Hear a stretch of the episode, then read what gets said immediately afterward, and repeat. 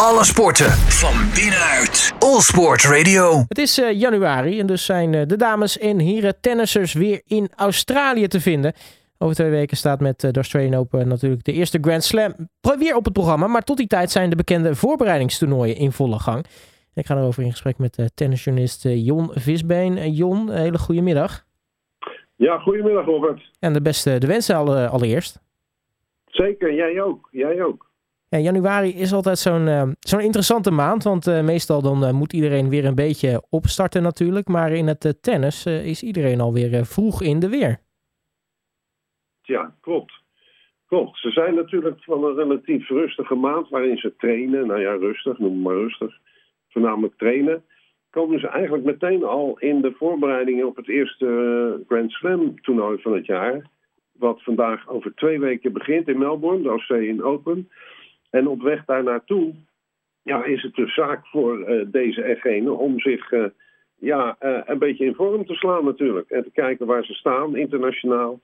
Nou, dat doet, een groot deel doet dat in Australië en een deel doet dat in andere landen nog. Zeg maar onderweg van Europa en Amerika richting Australië.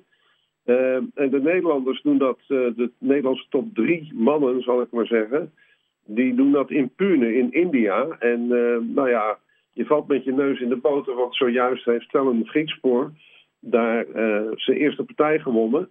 Uh, in de eerste ronde van de Spanjaard uh, Gaume Moenar. En dat is een uitstekende overwinning, 6-4-7-5. want ja, die Munar staat een stukje hoger. Die staat 58ste op de wereldranglijst.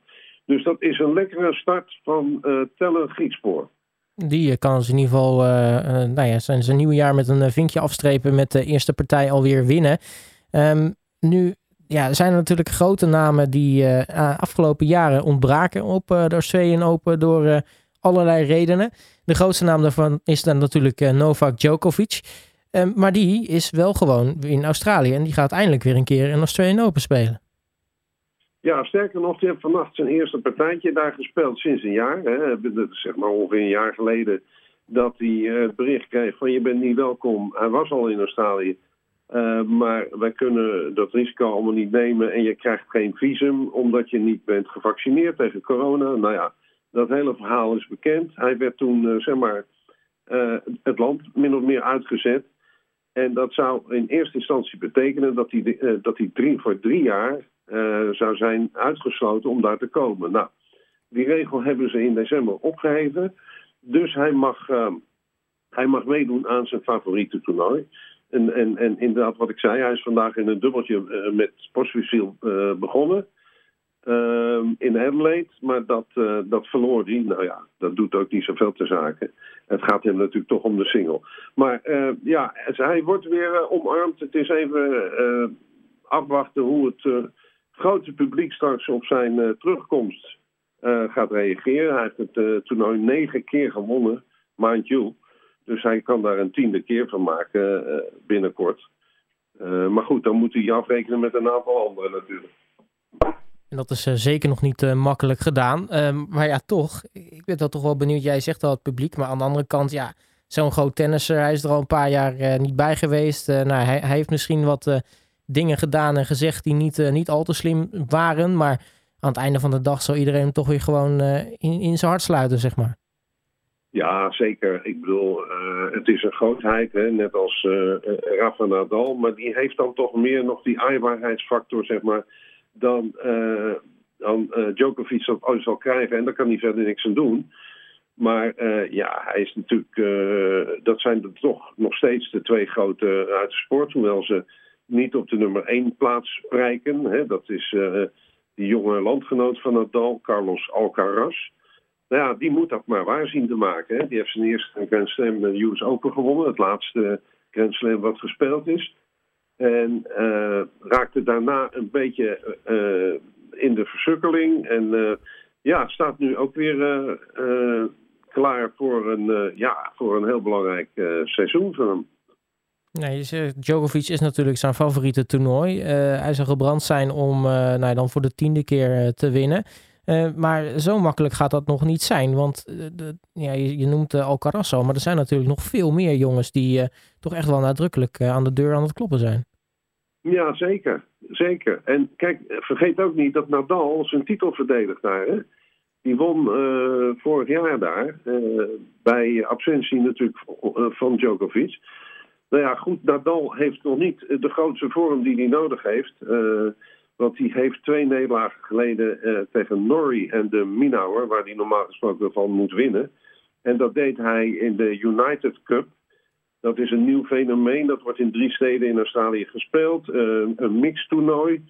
Uh, ja, ik moet je eerlijk zeggen, het zijn zes groepen van drie landen. Ze spelen één partij, zeg maar, één wedstrijd bestaat uit vijf partijen. Ehm, het, het kan mij nog niet echt boeien, weet je. Het is een beetje, een beetje, ja, van alles wat. En als je ziet wie eraan meedoen, dan zou je zeggen, nou, Nederland met een team had daar helemaal niet meer staan. Dus een beetje vreemd dat, dat Nederland dan daar niet aan meedoet. En, en, en bijvoorbeeld België, of Noorwegen wel. Uh, maar goed, dus dat, dat speelt. En verder zijn ze in Adelaide begonnen. In Auckland zijn ze begonnen. Dus ja, het is, het is weer aan het draaien. Ja, het mag zo langzamerhand natuurlijk wel weer beginnen. Maar um, ja, als we het dan toch hebben over de, de Nederlandse top. Die is natuurlijk ook aan het toewerken naar die Australian Open. Wat kunnen we van die jongens verwachten? Ja, ik denk dat uh, Botik van der Zandschulp, die in december uh, Nederlands kampioen is geworden, indoor, van, uh, hij won in de finale in Amstelveen van Griekspoor. Die is ook in India begonnen en hij is daar als tweede geplaatst. Dus hij heeft een, een baai in de eerste ronde, komt hij, hoeft hij nog niet te spelen. Ehm, ja, die zie ik toch ik denk dat hij nu zeg maar gesetteld is in, in, in dat ATP-wereldje.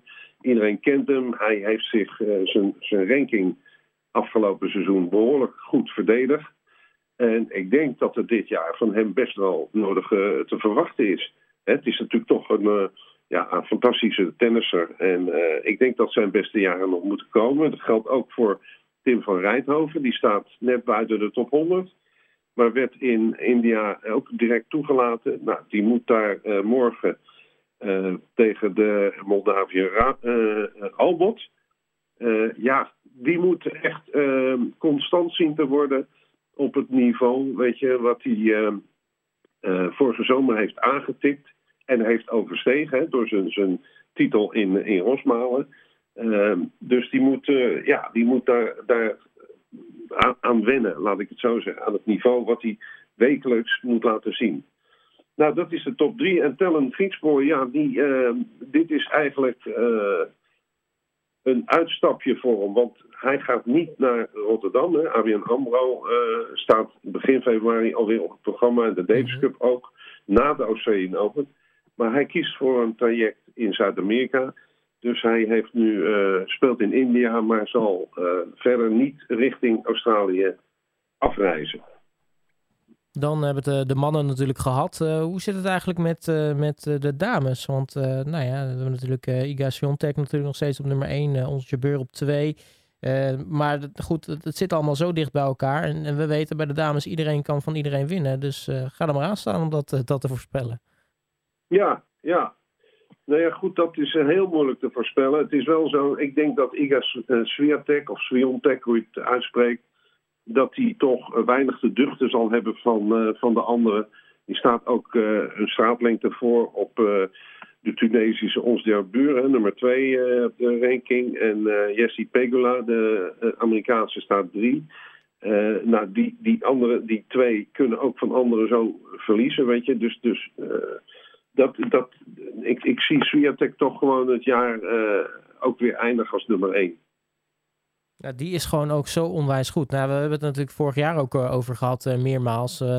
Uh, ja, hadden zoiets van, nou ja, iedereen kan van iedereen winnen, is natuurlijk leuk. We hebben lang niet zo'n dominantie gehad als destijds onder Serena Williams. Maar het begint er toch aardig weer op, op te lijken. Ja, ja ze is ook fysiek, weet je, is, is ze sterk. heeft goede slagen, beweegt enorm goed. ja, het is echt het kloppen dame komend jaar ja, je weet nooit, hè.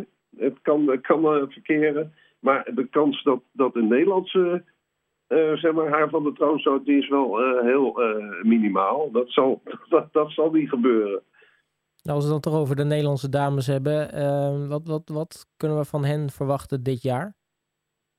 Ja, ik denk niet al te veel, eerlijk gezegd, Robert. Ehm, je kan de zaken wel rooskleuriger voordoen dan ze zijn. Maar ze zijn na het afscheid van Kiki Bettens. kwam natuurlijk toch een beetje aan het licht de, de armoede in het, bij de dames in Nederland. Uh, en zeker als je in ogenschouw neemt dat uh, Arantxa Rus uh, weg is gezakt uit de top 100. Ja, daar komen we dus helemaal niet meer voor met Nederland. En wie dat dan moeten gaan doen, die staan nog niet eens in de top 200. Dus, dus weet je, ik, ik, ik heb er een hard hoofd in dat we komend seizoen de aansluiting van één of twee meisjes gaan krijgen met de top 100. Dat, uh, dat zou kunnen dat uh, bijvoorbeeld Suzanne Lamens, die uh, ook Nederlands kampioen is geworden afgelopen december, en Eva Verder, die, die, die doen het heel behoorlijk. maar die staan respectievelijk 201 en 223. Ja, dan moet je toch aardig nog wat wedstrijdjes winnen. Wil je hè, wat niveaus hoger komen en je echt meten met, ja, met, met de top 100 dames. Dus nee, ik, heb, ik, heb, ik zie dat niet uh, 1, 2, 3 uh, uh, gunstig uh, uitpakken. Tot slot, uh, Jon, ben ik eigenlijk wel benieuwd. Want er zijn natuurlijk uh, zowel op de ATP-tour als de WTA-tour veel veel voorbereidingstoernooien op de Australian Open. Maar welke is nou eigenlijk jouw favoriet? Waar kijk je het meest naar uit? Om, om te zien, ja, om, om te zien bedoel je. Ja, ja. Nou, ik, vind, ik vind die jonge Deen vind ik, vind ik fantastisch zo te zien. Die Holger Runer. Die, uh, weet je, die, uh, die uh, is net zo oud als, als Alcaraz. En ja, dat is ook een mannetje hoor. Ik bedoel, ik geloof dat ze 19 of net 20 zijn. Ja, dat zijn toch twee gasten om in de gaten te houden. En die Rune vind ik fantastisch om te zien spelen. dat vind ik met die andere Scandinaviër, die Noor, Kasper Ruud, nummer drie van de wereld, vind ik ook schitterend. En, en bij de dames, nou ja, uh, Sviontek is toch, ja, is, is lust voor het oog. Is, is een fantastische speelster. Nou, kijk, dus uh, daar uh, kunnen we ons op verheugen in ieder geval. Uh, Jon Visbeen, mag ik je weer hartelijk danken voor je tijd. En natuurlijk, ja, tot snel. Want als de Australian Open gaat beginnen, dan weet hij ongetwijfeld weer te vinden. Graag gedaan, Robert. Alle sporten van binnenuit. All Sport Radio.